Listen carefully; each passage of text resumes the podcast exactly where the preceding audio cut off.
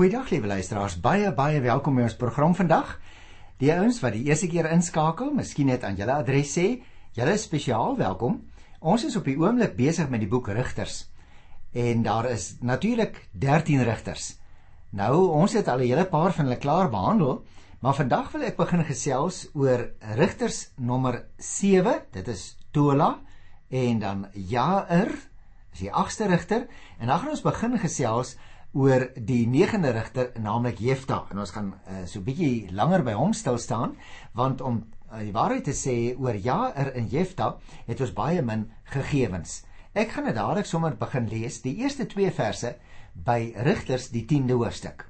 Na Abimelek. Nou die ouens wat gereeld luister sal onthou, Abimelek is die ou in die vorige program wat op die troon gekom het deurdat hy 'n hele klomp 69 van sy halfbroers vermoor het en daarom was sy koningskap natuurlik ook nie uh, geseënd nie en het dit in chaos geëindig en die hele land omtrent in opstand gekom. En nou lees ons hier by die 10de hoofstuk in Rigters, na Abimelek het Tola na vore gekom om Israeliete te red. Hy was 'n seun van Puva, die seun van Dodo uit Isaskar, en hy het in Samer op die Efraimsgebergte gewoon. Hy was 23 jaar lank die leier van Israel. Hy het gesterf en hy is in Samer begrawe. Nou ons het nou hier een van die sogenaamde klein rigters uh waarmee ons te maak het omdat ons nie so baie weet van hierdie Tola en ook Jaar wat ek nou net gaan bespreek nie. Want jy sien liewe luisteraars eintlik weinig minder van hulle twee bekend as dat hulle met regspraak te doen gehad het. Ons lees hier in die verse 1 en 2 wat ek nou net aangehaal het dat Tola die seun was van Puva uit die geslag van Dodo Nou, hulle was uit die stam van Isaskar. Maar Tola het in Samer gewoon op die Efraimsgebergte.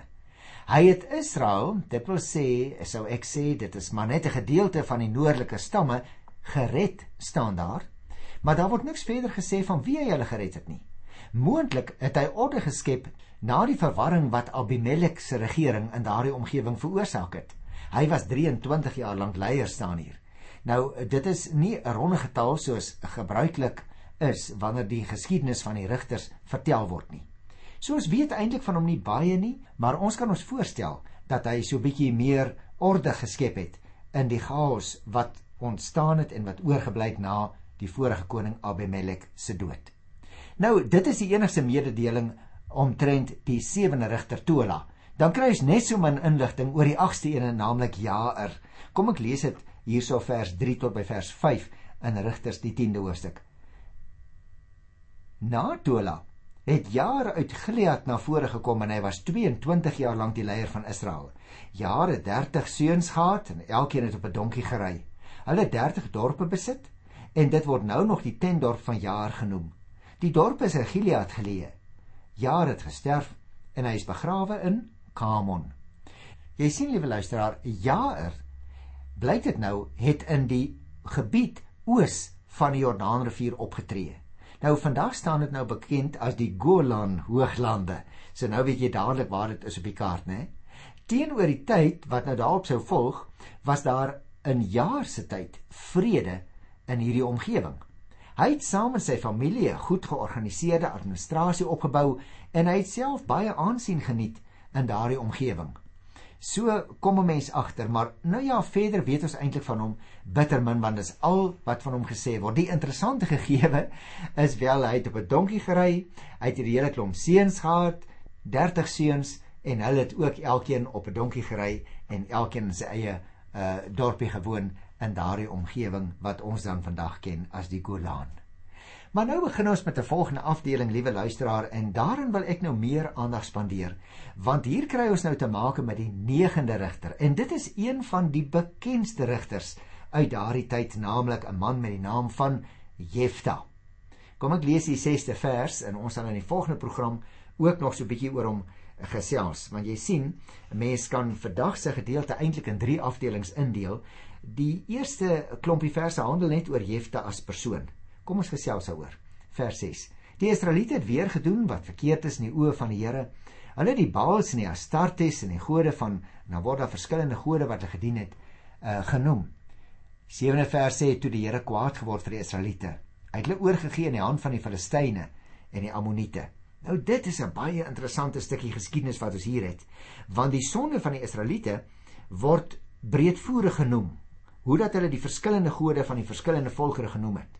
En hulle word verlei ook om daardie afgode te dien. Maar dan word vir ons vermeld hier in die 6ste vers wat ek nou net gelees het, hoe dat hulle ook onder andere die van die Arameërs gedien het en die Moabiete en die Ammoniete, maar nou interessant, en die gode van die Filistyne. En nou word die Here se staan daar baie kwaad vir hulle. Van toe af sê die 8ste vers, het die Amorite die Israeliete in Gilead 18 jaar lank verdruk en mishandel. Gilead was oos van die Jordaan in die gebied van die Amorite. Die Amorite het selfs die Jordaan oorgesteek en teen Juda, Benjamin en Efraim gaan oorlog maak. En Israel het swaar gelei. En toe het die Israeliete tot die Here geroep, vers 10. Ons het teen u gesondig. Ons was ontrou aan ons God. Ons het die Baals gedien. Die Here het vir hulle gesê: "Toe die Egiptenaars en dan noem hy 'n hele klomp volkere tot my geroep het, het ek julle uit hulle mag bevry. Maar julle was nou ontrou aan my. Julle het ander gode gedien en daarom het ek julle nie nou gered nie. Gaan roep tot die gode waardeur julle gekies is. Laat hulle julle red nou dat julle swaar kry. Met ander woorde, die Here sit so 'n bietjie sy voet op hulle nek nie waar nie, want hy sê julle het mos nou ander gode begin dien. Gaan vra nou vir hulle om julle te red. Maar nou vind hier 'n interessante ding plaas in vers 15, maar die Israeliete het die Here geantwoord: Ons het gesondig. Doen u met ons wat goed is in u oë maar red ons tog net vandag. Jy sien liewe luisteraar, ons kry hier die interessante verhaal van hoe dat hulle as hulle swaar kry, terugkom na die Here toe. En hulle vra vir die Here of hy nie asseblief vir hulle uitkoms wil gee nie. Nou Israel se verhouding met die Here het toenemend agteruit gegaan, so die eerste klompie verse van hierdie hoofstuk vir ons vertel. Maar uiteindelik roep hy vir Jefta. Jefta was die man wat hulle sou moes verlos van hierdie baie vyande. So ons kry nou so 'n bietjie inligting oor hom in hierdie verse wat ons gelees het, maar eintlik weet ons nog nie baie vreeslik baie van hom nie. Daarom wil ek graag na die tweede afdelingkie waar waar ons nou gelees het hoe hulle opgetree het, wie Jefta was en hoe dat die Here hom opgerig het hier van vers 17 af lees en dit is die tweede gedeeltjie wat hier van Rigters 10 vers 17 afstrek tot by Hosea 11 die 11de vers.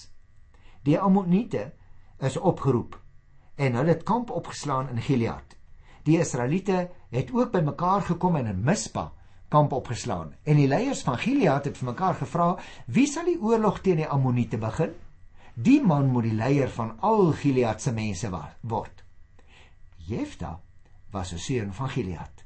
Hy was 'n dapper soldaat. Sy ma was 'n prostituut, maar sy pa was uit Gilead. So hier kry ons nou die interessante persoonlike gegevens wat oor hierdie man wat die volk van die Ammoniete moet help verlos handel. Ons lees byvoorbeeld van hom dat sy pa 'n dapper soldaat was, maar sy ma was 'n prostituut. En liewe luisteraar, dit is my wonderlik dat ons die Bybel lees hoe dat die Here elke keer weer ook iemand wat selfs nie in aansien is nie kan gebruik om sy plan deur te voer. Jefta was die seun van 'n man met die naam Gilead uit die Manasse stam. Die tweede vers het gesê omdat hy 'n seun van 'n ander vrou was, wou sy broers aan sy pa se kant nie hê dat hy saam met hulle erfposie sou deel nie en hulle het hom weggejaag. Maar nou sê die derde vers: Toe vlug Jefta van sy broers af weggegaan woon in Tob. 'n Klomp leegleers het hulle by Jefta geskaar en saam met hom gegaan. Tob dis nakies luisteraars wat was noordoos van Perea op die grens van Sirië. As u nou op die kaart sou kyk, kyk naby die Middellandse See so bietjie na die noorde. Daar lê Sirië en dan sal jy dit sien. En leegleers skaar hulle nou by Jefta. Ruk daarna sê die 4de en 5de verse die Ammoniete teen die Israeliete kom veg. Dis toe dat die leiers van Gilead vir Jefta uit Top gaan haal het. Hulle het vir hom gesê: "Kom, word ons aanvoerder sodat ons teen die Ammoniete kan veg. Hier gebeur dus die tipiese ding wat ook in sommige van die vorige rigters se geskiedenis gebeur het. Met ander woorde, daar's 'n vyand en die volk vra nou een van hulle uh mense, eie mense om 'n uh, leier te word en hulle teen die vyand in 'n een eenheidsgeveg te lei. Toe die Ammoniete nou dus die oorlog begin, gaan haal die leiers van Gilead vir Jefta om vir hulle aanvoerder te wees. En luister nou na vers 7 en 8. Jefta het vir die leiers gesê: "Julle het my gehaat. Julle het my weggejaag uit my pa se huis uit. Waarom kom julle nou dat julle in die moeilikheid is na my toe?" Maar die leiers van Gilead het vir Jefta gesê: "Dis juis waarom ons terug is by jou. Jy moet saam met ons kom sodat ons kan gaan oorlog maak teen die Ammoniete.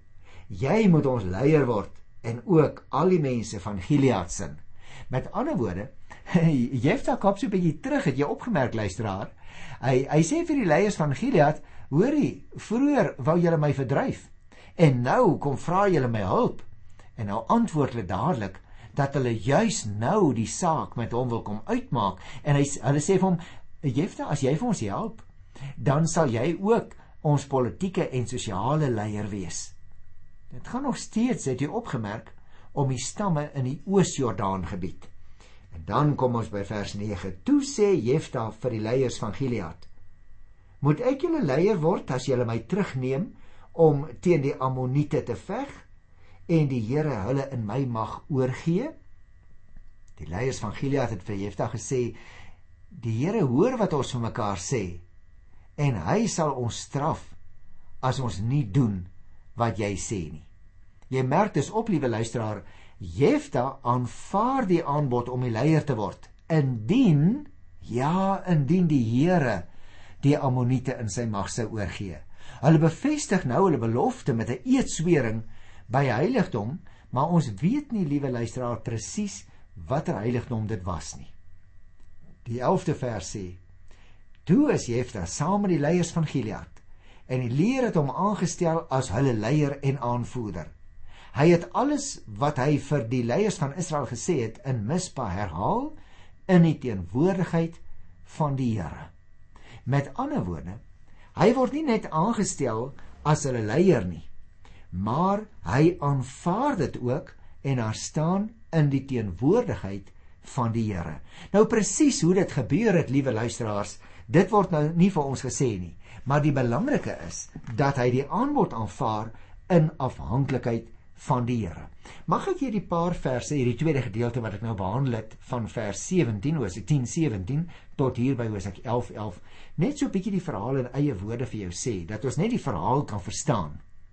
Want hier word Jefta die leier van Israel deur klipharde onderhandeling met die leiers te voer. En net soos Abimelek wat ons in Hosea 7 ontmoet het, was hy die seun van 'n ander vrou van sy pa. Hy was 'n uitgeworpene sonder enige erfreg onder sy mense. Hy het egter naam gemaak as 'n baie bedrewe krygsman. Hy was 'n vegter soos ons later later in koning Dawid se tyd sou ontmoet. Nou Jefta was dus eintlik iemand wie se dienste baie baie dringend benodig word deur hierdie klomp uh mense onder wie hy woon. En in die onderhandeling wat nou gevolg het, gaan Jefta op 'n uiters bedrewe wyse te werk. In sy onderhandeling met die leiers van Gilead, slaag hy dan ook daarin om weer in sy pa se huis as erfgenaam aanvaar te word, om as militêre leier in die veldtog teen Ammon aangestel te word en meer nog, om ook wanneer die geveg verby is, as leier van die mense van Gilead aanvaar te word. Ek wil amper vir jou sê, vanaf 'n uitgeworpene onderhandel hy sy pad oop tot die leier van Israel. En hierdie ooreenkoms, liewe luisteraars, word dan deur die leiers van Gilead plegtig bevestig en Jefta word voor die Here in Mispa plegtig ingesweer. Dit lyk vir my of hierdie Jefta die kuns verstaan het hoor om die situasie uit te buit in sy eie belange so bietjie te bevorder. Net soos Israel hulle self uit hulle verdrukking uitgekry het deur met God te onderhandel, so het Jefta ook sy eie posisie verander deur met die volk te onderhandel.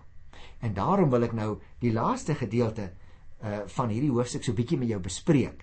Dit staan hier in Rigters 11 vers 12 tot by vers 28 waar Jefta nou dat hy gesalf is as leier onder hulle hoe dat hy nou in dispuut tree met die Ammoniete. Luister na vers 12. Toe stuur Jefta boodskappers na die koning van die Ammoniete toe om hom te vra: "Wat het tussen ons gebeur dat jy hiernatoe gekom het om teen my land oorlog te maak?" Het jy opgemerk luisteraar, Jefta begin deur eers met die koning van die Ammoniete te onderhandel. Hy stuur nie sommer sy vliegtye as hy vliegtye sou gehad het nie, né? Hy probeer eers onderhandel. En dan in hierdie onderhandeling lyk dit asof die geskiedenis wat vertel word, sowel as die afgod Kemos wat genoem word, meer op die Moabiete betrekking het. Jy sien as hier so so 'n bietjie verwarrend in die Bybel, gaan dit oor die Ammoniete of het die Ammoniete dan nou ook die Moabitiese god Kemos gedien? Dit is nie vir ons heeltemal duidelik nie en dit het vir die skrywer ook nie daarom gegaan om die geskiedenis presies weer te gee nie, maar om die oorlogsonderhandelinge met die geskiedenis as agtergrond te skryf. Daarom vers 13. Die koning van die Ammoniete het die boodskapper van Jefte geantwoord: Toe die Israeliete uit Egipte weggetrek het, het hulle my land gevat. Van die Arnon rivier af tot by die Jabok en die Jordaan. Gee dit nou in vrede terug. Jy sien, die koning van die Ammoniete maak toe nou aanspraak op sy gebied net aan die ooste kant van die Jordaanrivier. Want hy sê daai gebied het destyds aan my behoort. Vers 14.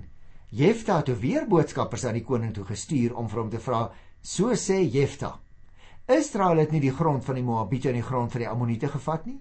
Toe Israel Egipte weggetrek het, het hy deur die woestyn getrek tot by die Rietsee. En toe het hy by Kades aangekom En daar het hy boodskappers aan die koning van Edom toegestuur en gevra: "Laat my asseblief deur jou land trek." Maar hy het nie ingestem nie. Jy sien, liewe luisteraar, Jefta gee nou nie sommer toe nie. Jefta sê laat ek julle net herinner aan die geskiedenis. Toe my mense destyds getrek het uit Egipte land, wou hulle deur die gebied van Edom trek. Maar die Edomiete wou nie. En ons mense het toe nie die grond van Edom sommer net gevat nie. Nou kom vra jy die koning van die Ammoniete vir my om vir jou te help om grond wat jy verower het uh weer te kan teruggee.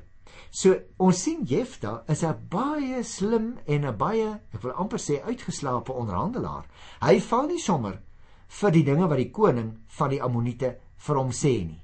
Daarom ontken hy in vers 14 en 16 die aanspraak deur die geskiedenis van die uittog te vertel. Hy noem eers die Rietsee waar die Here destyds vir Israel verlos het. En dan noem hy ook die rusplek Kades.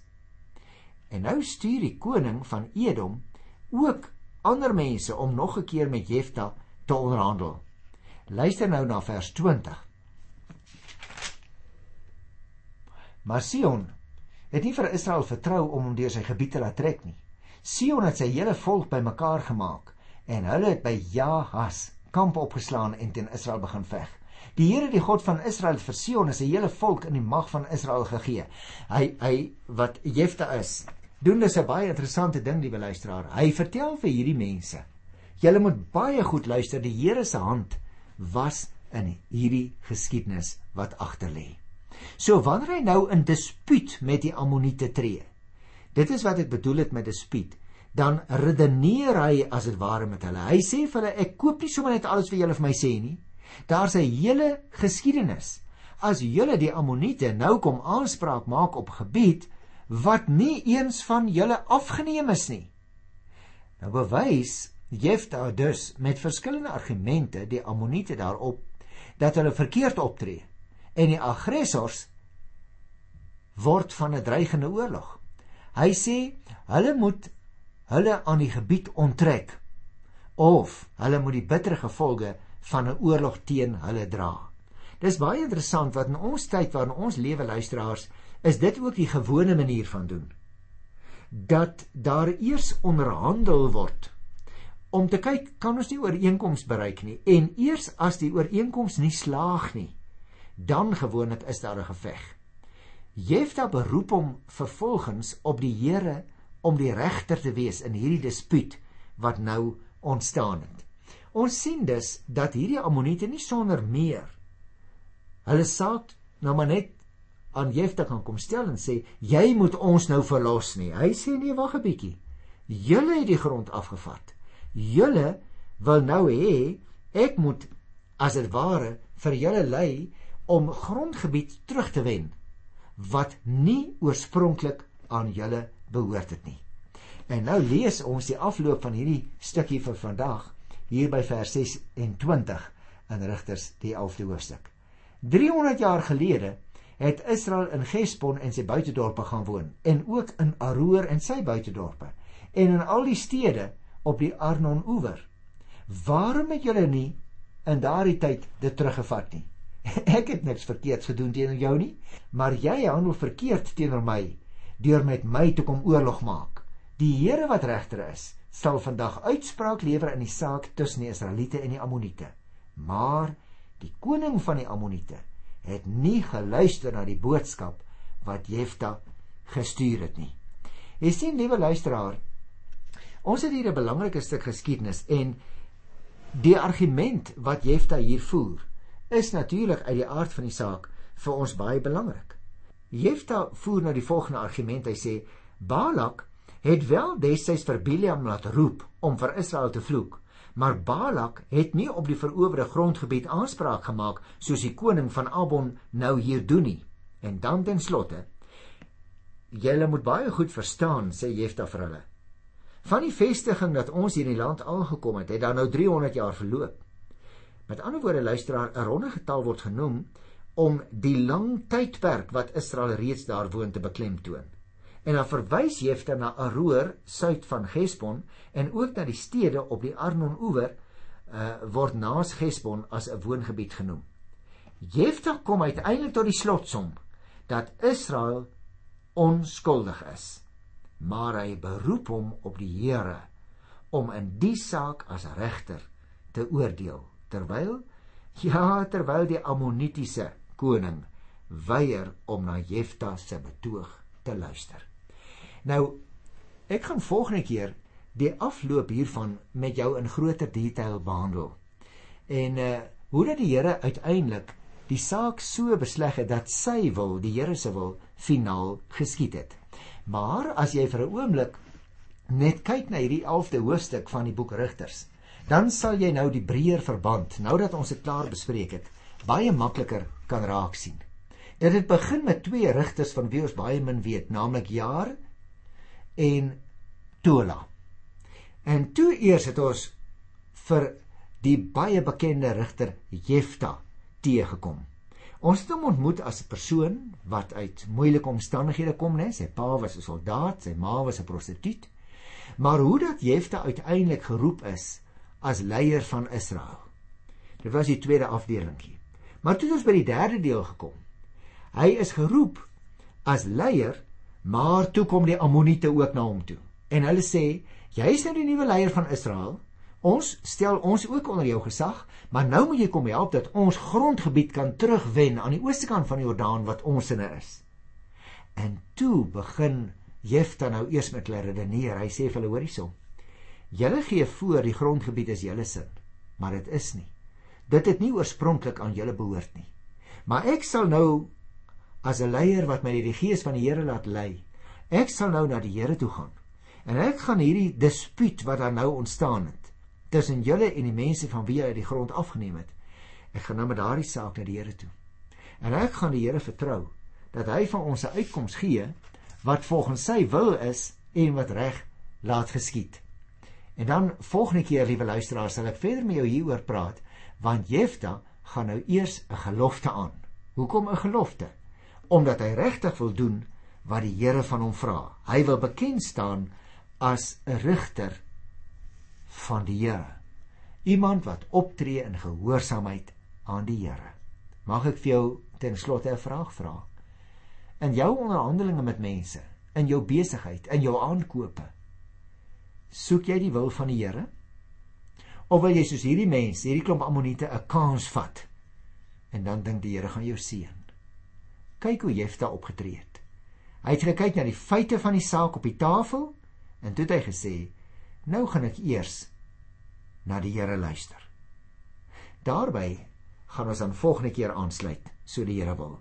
Tot dan. Totsiens.